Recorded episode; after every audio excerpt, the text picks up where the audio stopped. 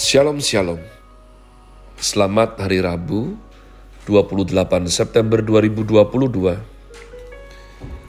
Saya Pendeta Kaleb Hofer Bintor dalam anugerahnya Penuh sukacita sampaikan pesan Tuhan melalui Grace Word yakni suatu program renungan harian yang disusun dengan disiplin.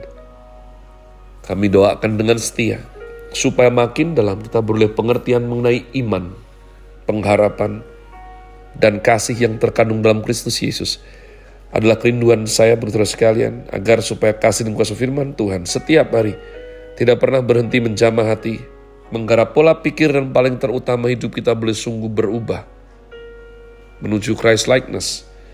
Masih dalam season autumn dengan tema bulan ini, Suffering for the King. Chris Word hari ini saya berikan dulu Hosea, Fatsal 10, Fatsal 11. Hosea 10 dan 11 sebab saya perhitungkan waktunya masih sanggup untuk kita langsung medley dua fatsal. Adapun program ini juga di broadcast melalui channel GBI Rock Fluid dengan tajuk podcast with Jesus. Mari umat Tuhan kita bergegas menuju yakni Hosea 10 11 hukuman karena penyembahan berhala. Israel adalah pohon anggur yang riap tumbuhnya, yang menghasilkan buah. Makin banyak buahnya, makin banyak dibuatnya mesbah-mesbah. Makin baik, makin baik tanahnya, makin baik dibuatnya tugu-tugu berhala hati mereka licik. Sekarang mereka harus menanggung akibat kesalahannya. Dia akan menghancurkan mesbah-mesbah mereka, akan meruntuhkan tugu-tugu berhala mereka. Sungguh, sekarang mereka berkata kita tidak mempunyai raja lagi, sebab kita tidak takut kepada Tuhan. Apakah yang dapat dilakukan raja bagi kita? Mereka membual mengangkat sumpah dusta, mengikat perjanjian sehingga tumbuh hukum seperti pohon upas di alur-alur ladang. Penduduk Samaria gentar mengenai anak lembu Bet Awen. Sungguh rakyatnya akan berkabung oleh karenanya. Dan imam-imamnya akan meratap oleh karenanya. Oleh sebab kemuliaannya telah beralih daripadanya Anak lembu itu sendiri akan dibawa ke Asyur sebagai persembahan kepada Raja Agung. Efraim akan menanggung malu. Israel akan mendapat malu karena rancangannya. Samaria akan dihancurkan, rajanya seperti sepotong ranting yang terapung di air. Bukit-bukit pengorbanan awen, yakni dosa Israel akan dimusnahkan Semak duri dan rumput duri akan tumbuh di atas mesbah-mesbahnya.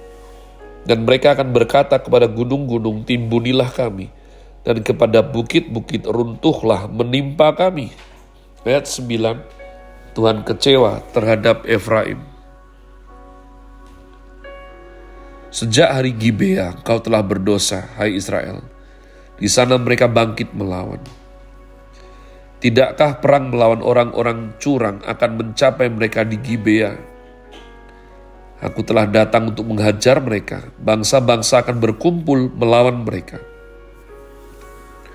Apabila mereka dihajar karena salahnya yang berganda, Efraim dahulu seekor anak lembu yang terlatih, yang suka mengirik, dan aku ini menyayangi tengkuknya yang elok. Aku memasang Efraim, Yehuda harus membajak Yakub harus menyisir tanah baginya sendiri. Menaburlah bagimu sesuai dengan keadilan, menuailah menurut kasih setia. Bukalah bagimu tanah baru, sebab sudah waktunya untuk mencari Tuhan. Sampai ia datang dan menghujani kamu dengan keadilan. Kamu telah membajak kefasikan, telah menuai kecurangan, telah memakan buah kebohongan, oleh karena engkau telah mengandalkan diri pada keretamu, pada banyaknya pahlawan-pahlawanmu. Maka keriuan perang akan timbul di antara bangsamu. segala kubumu akan dihancurkan seperti Salman, menghancurkan Bet Arbel pada hari pertempuran. Ibu beserta anak-anak diremukkan. Demikianlah akan kulakukan kepadamu, hai kaum Israel, oleh karena dahsyatnya kejahatanmu. Pada waktu fajar akan dilenyapkan sama sekali Raja Israel kasih Tuhan mengalahkan kedegilan orang Israel. Ketika Israel masih muda, ku kasihi dia. Dan dari Mesir, ku panggil anakku itu. Makin ku panggil mereka, makin pergi mereka itu dari hadapanku. Mereka mempersembahkan korban kepada para Baal dan membakar korban kepada patung-patung. Padahal akulah yang mengajar Efraim berjalan dan mengangkat mereka di tanganku. Tetapi mereka tidak mau insaf bahwa aku menyembuhkan mereka. Aku menarik mereka dengan tali kesetiaan, dengan ikatan kasih. Bagi mereka aku seperti orang yang mengangkat kuk dari tulang rahang mereka. Aku membungkuk kepada mereka untuk memberi mereka makan. Mereka harus kembali ke tanah Mesir dan Asyur akan menjadi raja mereka, sebab mereka menolak untuk bertobat. Pedang akan mengamuk di kota-kota mereka, akan memusnahkan palang-palang pintu mereka, dan akan memakan mereka di benteng-benteng mereka. Umatku betah dalam membelakangi aku. Mereka memanggil kepada Baal dan berhenti meninggikan namaku. Masakan aku membiarkan engkau, hai Efraim, menyerahkan engkau, hai Israel, Masakan aku membiarkan engkau seperti Atma, membuat engkau seperti Zeboim, hatiku berbalik dalam diriku. Belas kasihanku bangkit serentak. Aku tidak akan melaksanakan murkaku yang bernyala-nyala itu. Tidak akan membinasakan Efraim kembali. Sebab aku ini Allah dan bukan manusia yang kudus di tengah-tengahmu. Dan aku tidak datang untuk menghanguskan mereka akan mengikuti Tuhan. Ia akan mengaum seperti singa. Sungguh ia akan mengaum. Maka anak-anak akan datang dengan gemetar dari barat. Seperti burung dengan gemetar datang dari Mesir. Dan seperti merpati dari tanah Asyur. Lalu aku akan menempatkan mereka lagi di rumah-rumah mereka. Demikianlah firman Tuhan Ayat 12 ma Tuhan harusnya besok kita akan ulang lagi pada waktu membaca Fatsal 12 tapi ini kita lanjutkan. Efraim dan Yakub bapa leluhurnya. Dengan kebohongan aku telah dikepung oleh Efraim, dengan tipu oleh kaum Israel, sedang Yehuda menghilang dari dekat Allah, dari dekat yang maha kudus, yang setia. Umat Tuhan, kitab Hosea adalah rangkaian kitab bagaimana Israel dengan bebal membelakangi Tuhan, mengkhianati Tuhan dengan mendirikan banyak sekali tiang-tiang penyembahan berhala, termasuk anak lembu Bet Arwen. Nah, umat Tuhan di sini yang kita pelajari, mereka memang tidak niat untuk bertobat. Saya tengarai, inilah yang menjadi poros tulisan daripada Rasul Paulus di perjanjian baru nanti. Dan tentunya Rasul Paulus juga kemungkinan besar sudah pasti-pasti sepertinya umat Tuhan membaca kitab Hosea. Sehingga kalau kita itu ada sebagaimana kita berada itu semua anugerah.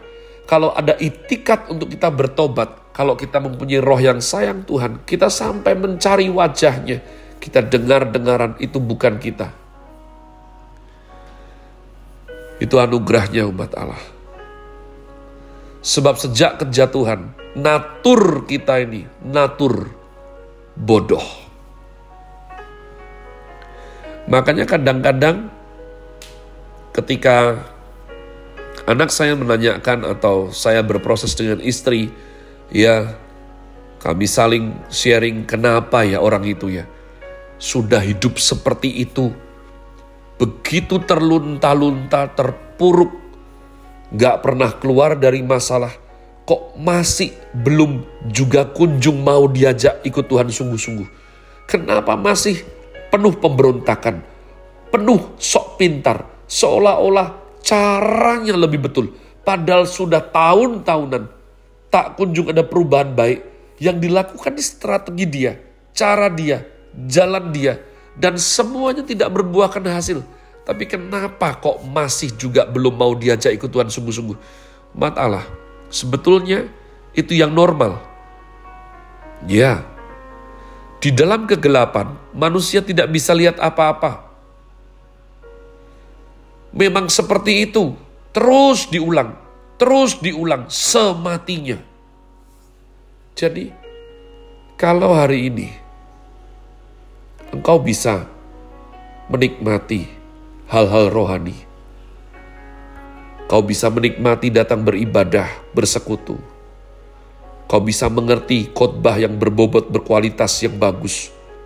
Dengan khotbah yang hanya euforia menawarkan sukses berhasil, mujizat semata. Itu anugerah buat Tuhan. Kalau kau mempunyai kerinduan melayani Tuhan, kalau hatimu hangat, pipimu hangat, air matamu menetes, bukan karena rasa sakit, tapi karena luapan syukur. Hatimu berdebar dengan buncahan sukacita yang dari dalam. Itu anugerah. Saya katakan itu anugerah. Itulah kasih sayang Tuhan. Itulah rahmatnya. Sehingga kita yang tadinya buta, sekarang bisa melihat. Kita tadinya dalam gelap, diberikan terang yang ajaib. Sehingga kita boleh melihat Tuhan dalam hidup ini. Have a nice day. Tuhan Yesus memberkati saudara sekalian. Sola. Grazie.